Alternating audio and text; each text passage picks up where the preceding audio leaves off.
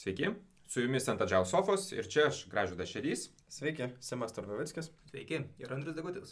Pradedame pirmąjį lietuvišką podkastų ciklą nagrinėjantį Adžial metodiką, Adžial temas. Ir tai yra mūsų pirmoji serija. Tad norime pristatyti save, susipažinti ir pakalbėti apie tai, kas tas Adžial ir kodėl to iš viso reikia. Tai trumpai apie Agile Sofa arba ant Agile Sofos. Kodėl sugalvojom būtent šį pavadinimą? Na, pradėkime nuo to, kad šį podcastą norim daryti tarsi jaukų pokalbį ant sofos. Tai bandysim palaikyti viską tokiam formate, kuris, na, neįtumėm į labai didelius oficialumus, bendrausim lengvai, tiek tarpusavėje, tiek su savo e, busimais pašnekovais. Ir, na be abejo, žaidė galbūt šiek tiek ir toks linksmas dalykas. Visi mes trysia, kurie, na, kursime šitos podcastus, dirbame Agile coachais O Agile Coach ir Couch turi savotišką garsų pavadinimo asimiliaciją, tai ir gimė mums toks pavadinimas. Kartu norim galbūt atsiprašyti tiek šiame įraše, tiek visose būsimosiuose įrašuose už tai, kad naudosime galbūt šiek tiek barbarizmų, slengų, ar ne, nes tam tikrai agile terminai labai sunkiai išsiverčia į lietuvių kalbą, tai naudosim tartautinius žodžius, nelietuviškus žodžius. Taip pat tai yra tikrai nauja mum veikla, nors visi agile patirties turime sukaupę jau tikrai ne vienus ir ne du metus, dirbame seniai su šią metodiką, bet būtent podcastų įrašymas visiems mums kažkas naujo.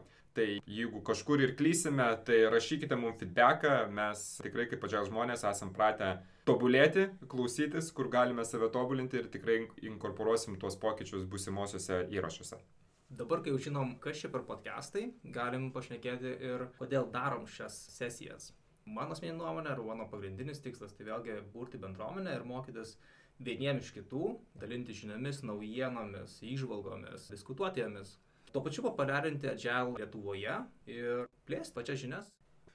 Ir ką Gražvydas paminėjo, kad mes planuojame daryti podcastus trise, tai galbūt tiesiog patikslinant, mėginsim visą laiką būti bent dviese ir darydami podcastus mėginsime traukti ir kitus pašnekovus, galbūt profesionalus iš kitų sričių, nebūtinai agile coachus, bet specialistus tam tikrus, kurie galėtų papasakoti ir savo patirtį, kaip jie susidūrė su tam tikrais iššūkiais, tam tikromis temomis, ar pagvildenti tam tikrus aspektus. Aš čia galbūt pasinaudosiu progą ir pakviesti, jeigu esate susidūrę su Agile ir dirbate Agile ir tikrai turite ką papasakoti arba šiuo metu labai norite panagrinėti kažkokią temą, rašykite mums į komentarus, kokiai platformai besiklausote šitą podcastą. Mes tikrai juos ruošiame skaityti ir mielai pakviesim bendram įrašui. Taip, tikrai taip, mes labai laukime klausytojų jūsų pasiūlymų dėl jums aktualių temų. Tai jeigu turite kažką tokio ležųjų galo, ką norite paklausti arba pagvildenti detaliau, tai būtinai rašykite komentarus, susiekite su mumis ir mes pasitengsime padaryti viską, kad jūsų tema būtų įgarsinta ir išgirsta platesnėje auditorijoje. O gal net ir jūs patys išgirsti, nes kaip minėjau, mes tikrai kviesime ir svečius. Taip. Bet kokiu atveju tiesiog dar norėjau paminėti, kad mes esame ant Agile Sofos podcastų ciklas ir mus galite lengvai rasti arba susiekti L paštu ant agileSofos.gmail.com. Jeigu turite kažkokių tais pagydavimų, pasiūlymų, arba bet kokiu atveju rašykite komentarą po paliktą nuorodą. Kągi, manau, kolegos, laikas pereiti šiek tiek rimtesniais dalykais pašnekėti. Ir pažadėjom pradžioje, kad norime trumpai paliesti apie tą agile ir kokią naudą galbūt tas agile gali duoti. Nes šie podcastai nėra skirti tik esamiems agile profesionalams. Mes tikrai norim populiarinti patį agile ir galbūt tie, kurie, na, tik galvoja naudoti šią metodiką arba net, net nesvarstę, galbūt e, sudominsim šią metodiką. Tai tiesiog norime pabrėžti keletą punktų, kodėl mes patikėjom kažkada seniai seniai šią metodiką, kodėl manom, kad kiti ją turėtų patikėti. Tai kolegos papildysite mane, bet aš vieną pagrindinių dalykų, kodėl šiais laikais organizacijos turėtų būti agile, matau tokią naudą, kaip kad rizikų minimizavimas. E, gyvenam beprotiškai greitai judančiame ir beprotiškai greitai besikeičiančiame pasaulyje, ar ne? Tai, ką E, klientai vertino vakar kaip kažką tai naujo, e, šiandieną jau tai yra nebeįdomu. Ir bet kokiam organizacijom, kurios kuria kažkokias paslaugas ar produktus, jam reikia gebėti greitai keistis. Ir jeigu mes dirbsime tradiciniu būdu, kurio buvome įpratę dirbti ir seniau, tai bet kokiu atveju gausis e, turbūt taip, kad sukursim kažką ir tik tais po ilgo kūrimo proceso pamatysim atidavę klientams, kad jiems šiuo metu reikia visai kas kito. Tai Agile padeda minimizuoti rizikas. Tai reiškia, kad minimizuoti tą riziką, jog rinkai patieksim kažką, kas jau yra nebeįdomu. Agile tiesiog skatina pateikti rinkai greičiau nedidelius mažus produktus, produktų inkrementus juos įsivertinti ir, na, jeigu jie netinka, gebėti juos greitai išmesti šiukšlinę, jeigu jie tinka, juos toliau vystyti. Čia grįžtamasis ryšys, kai tu parodai kažką, gauni e, grįžtamą ryšį, pagal tai keiti savo produktą arba darbą. Aš taip pat norėčiau dar galbūt papildyti, kai gražiai tu minėjai tradicinis būdas arba tradicinis e, kažkoks tai jo, būdas, kaip mes galim valdyti tiek ir rizikas, tiek ir dirbti, kurti produktus, paslaugas. Ka, kas yra tas tradicinis, apie ką mes kalbam? Gal, gal gali duoti kokius nu, kokių nors pavyzdžių? Na, aš kaip minėjau, turbūt, na, to termino tradicinis įsivaizduojam tai, kad mes kurdami naujus produktus arba juos tobulindami, bandom suplanuoti, kaip jie turi atrodyti, bandyti juos ilgai, na, kažkaip tai savo vizualizuoti, tada užsimti visų kūrimų procesu ir tik tais galutinį variantą atiduoti klientui. Žal galbūt labiau propaguoja tokį būdą, kad atiduokim kažką labai nedidelio, ką jau galėsim duoti klientui ar, ar kažkokiam tai naudotojui išbandyti ir gauti grįžtamą ryšį, apie, apie kurį Andrius šnekėjo. Manęs iš karto kažkas nemėgs, bet e, paminėsiu tą anglišką waterfall stilius. Tai nevidėjau vatą. Tradicinį, man atrodo, daug kas iš mūsų įsivaizduoja kaip waterfall mhm. principą. Tikrai taip. Tai galbūt dar kodėl reikėtų būti agile ir kokią naudą agile teikia tai galima paminėti tokius dalykus, kaip kad aš tą klausimą kartais išgirstu ir kaip kočias, iš tikrųjų iš savo komandų arba na, organizacijų, kurias, kurias ateinu ir padedu jas transformuoti. Tiesiog išgirstu tokį klausimą, kad o kas tau yra agile, ar ne? Tai galbūt ir pasakysiu, ką aš dažniausiai atsakau. Tai yra du dalykai. Tai yra greitai pateikti į rinką kokybišką produktą ir gauti grįžtamą į ryšį, pateikti tai, ko reikia klientui. Ir kita dalis, kuri yra labai svarbi, tai visą tai daryti komandai liekant motivuotai ir, ir įgalintai ir norinčiai e, užsidegusiai kurti tą produktą. Mes galime be abejo prispausti savo darbuotojus ir sakyti, greičiau pateikite rinkai kažką tai, bet jie sudegs. Ar ne, jeigu, jeigu procesas jų neįgalins būti efektyviais. Tai Agile man yra būtent apie tai, kad tai padeda ir komandom likti motivuotom ir įgalintom ir norinčiom e, pačiom kurti tos produktus ir paslaugas. Tai ką mes norime pasakyti, kad Agile padeda užtikrinti ir motivuotą komandą. Tai gali būti iš tikrųjų geras receptas ir, ir ne tik pačiom komandom, organizacijom kaip dirbti, bet kaip ir pritraukti darbuotojus, norint turėti tą motivuotą tikslo siekiančią komandą, o ne tiesiog robotus dirbančius už pinigus, kurie ar ne stengiasi įgyvendinti kažkokius tikslus.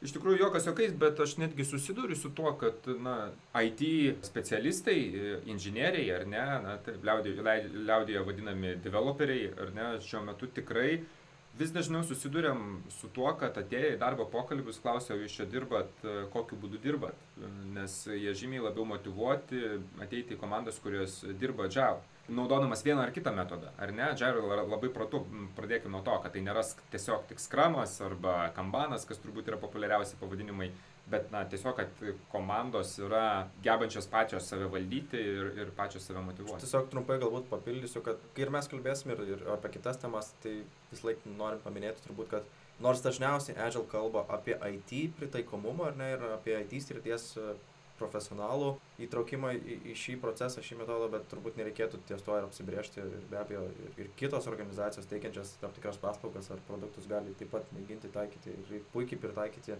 kaip mes tai matome į rinkoje. Net ir Lietuvos rinkoje yra keletas gerų pavyzdžių, Tikrai taip. Žinau netgi kai kurios e, didėjai parduotuvių tinklai, kur atrodo, na, visiškai tradicinis verslas, ar ne?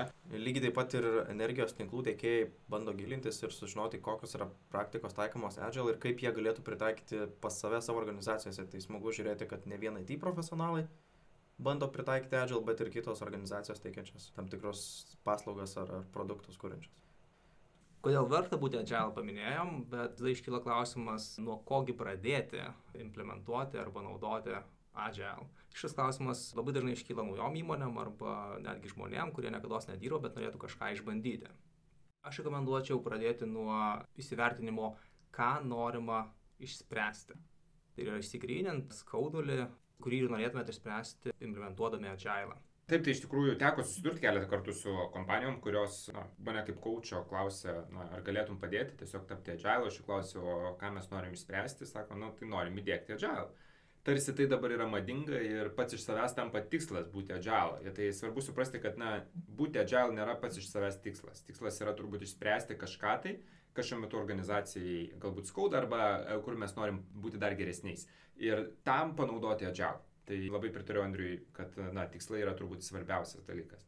Ir dar to pačiu noriu pridėti, kad yra galbūt ir tokių situacijų, kur Agile ir ne visą laiką gerai veiks. Tai reikia būtinai turėti tuos tikslus, suprasti, ką mes norim išspręsti, kaip Andrius minėjo, ir tik tais tada mėginti kažką daryti. Taip, tuo pačiu, kad agile yra labai prati savoka. Tai vis dėlto reikėtų pasirinkti ir kokį agile metodą naudoti. Jų yra gausybė, pasirinkit ir pabandykit, ar jums veiks ar ne. Tuo pačiu, kad ir pati agile metodika rekomenduoja pradėti dirbti, tada įsivertinti, ar vis dėlto jums tinka kažkas tai ir pagal vertinimus arba pagal grįžtamą ryšį kažką pakeisti. Vėlgi e, yra ir kitų pagalbų, tarkim, jūs galite tada užsiugdyti kompetencijas savo komandai arba savo įmoniai, bet galite pasieškoti ir ekspertų ir paprašyti jų pagalbos. Ir Lietuvoje turim tikrai ne vieną tokį žmogų ar, ar keletą net įmonių, kurios tuom užsiema, būtent ateina ir padeda konsultuoti tam, kad realiai galėtum įsivažiuoti ir nuo kažko startuoti. Daug lengvesnis startas, negu kad pačiam mėginti ieškoti, suprasti, ką mes norim pasidaryti implementavus agilą, nesitikėkit, kad viską iš karto jums išspręs. Viskas vyksta smulkiais žingsniais, per grįžtamą į ryšį ir per pokyčius, kuriuo reikia ir reikės. Tas tikrai užtrunka. Agile nėra ta sidabrinė kulka, kurią iššovus viskas taiga pasikeičia, tai be abejo tam gali būti ir nemažų iššūkių. Ir kalbant apie iššūkius, vienas iš tokių dažnesnių iššūkių, su kuriais teko susidurti prisijungus prie organizacijų ar naujų komandų, tai klausimas, kurį gaunu, ar mums reikia stimuoti ar nereikia stimuoti. Tai yra begalės įvairių nuomonių, ar to reikia daryti, ar tą nereikia daryti, bet ką mes norime pasakyti, kad jeigu ir Agile nekalba konkrečiai apie estimavimą, bet tikrai Agile rekomenduoja turėti kažkokį projekto planą ir suprasti, kada mes norime startuoti dirbti su to projektu ar, ar produktu ir kada mes planuojame jį pabaigti. Tai toks iššūkis galėtų būti sprendžiamas sudarant iš pradžių kažkokį projekto planą. Kitas iššūkis, su kuriuo tenka susidurti, tai netikros rolės arba dvigubos rolės dažnai susidurėm su to, kad komanda negali sauliaisti turėti naujo žmogaus, kuris prisimtų tam tikrą rolę, todėl tą pačią kepurę produkto šeimininko, pavyzdžiui, gali gauti ir komanda egzistuojantis žmogus, inžinierius arba analitikas arba testuotojas. Arba ne tik, kad negali turėti, bet dažniausiai gal nesupranta arba neįvertina, kad ta rolė yra tikrai skirta vienam žmogui ir tas rolių pasidalinimas bus tik tais kaip papildomas trukdis.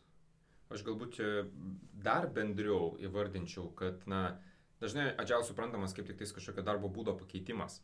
Bet norint gauti didžiausią agile naudą, kartais tenka daryti ir nemenkus organizacinius pokyčius, struktūrinius pokyčius. Tai jeigu mes norime, na, į esamą organizaciją atnešti agile, tai reikia būti pasiruošus, kad gali netgi tekti keisti tam tikrus rolės arba netgi žmonės dirbančius tam tikrom roliam. Ir aš puikiai prisimenu, kai dirbau su Simu, jis labai mėgo šitą posakį, kad e, žuvis pūna nuo galvos. Tai labai panašus ir taikymas šiuo atveju galėtų būti. Nors nieko mes negazdinam. Pralinksminu Andrius, bet e, ką mes norim to pasakyti, kad rolės galbūt nėra pagrindinė problema. Pagrindinė problema, kurią šitoje vietoje matom, tai yra mąstysena ir kaip mes suprantame, kokį tikslą norime pasiekti. Dar keletas iššūkių, kuriais galbūt galime pasidalinti, tai yra per ankstyvi eksperimentai. Ir ką mes norime su tuo pasakyti, kad komandos dažnai bando neįsigilinę, koks yra tikslas tam tikro artefakto arba tam tikro sustikimo, bando per anksti daryti pokyčius. Viena iš ežel metodikų ir sako, kad mes iš tikrųjų turim laikytis taisyklių prieš bandant kažką keisti.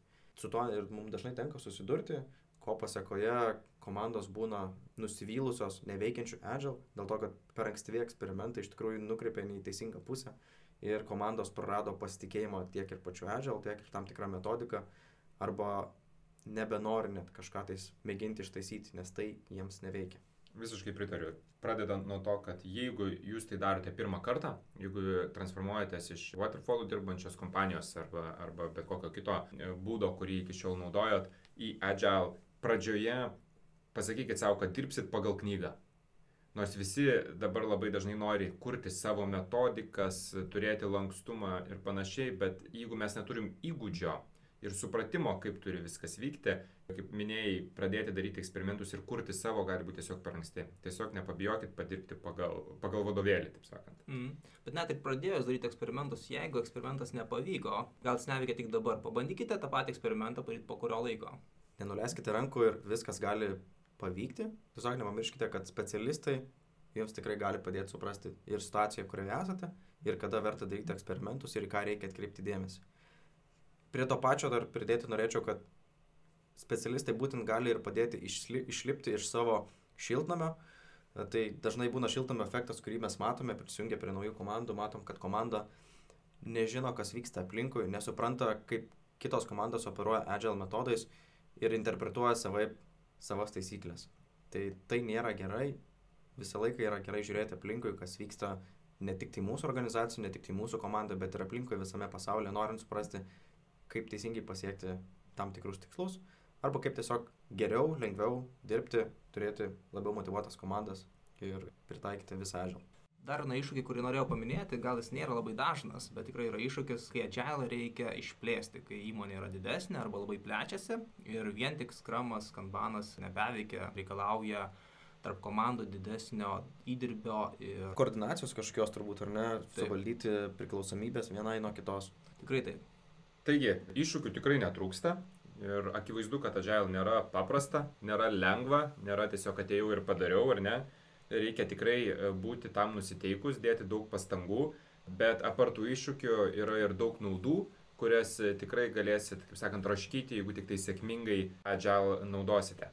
Taigi, būtent e, podkastus artimiausius galbūt mes ir skirsim panagrinėti tas didžiausius iššūkius, dažniausius iššūkius, pabandyti pasigilinti ir tas naudas, Taigi šiandieną e, galbūt labiau viską bandėm aptarti tokiam aukštam lygyje, bet tikrai tos iššūkius pasigilinsim ir, kaip sakant, dvigubų paspaudimu bandysim patekti jau į detalės. Artimiausių mūsų podkastų temas, na, esam išsirinkę pakalbėti šiek tiek apie kaip Agile veikia nuotolinėse komandose, turbūt labai aktualu nudenai, karantino laikotarpiu.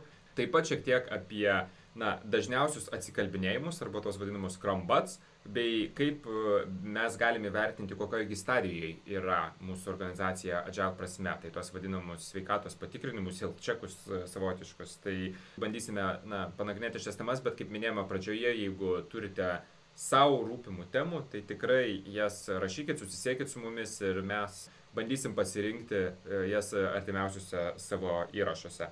Šiandien tiek, su jumis buvo pirmasis pasisidėjimas ant Agile sofos. Bent jau mums čia buvo linksma, tikimės jums irgi šis įrašas patiks ir klausysitės mūsų ir toliau. Iki kitų kartų. Iki. Visam.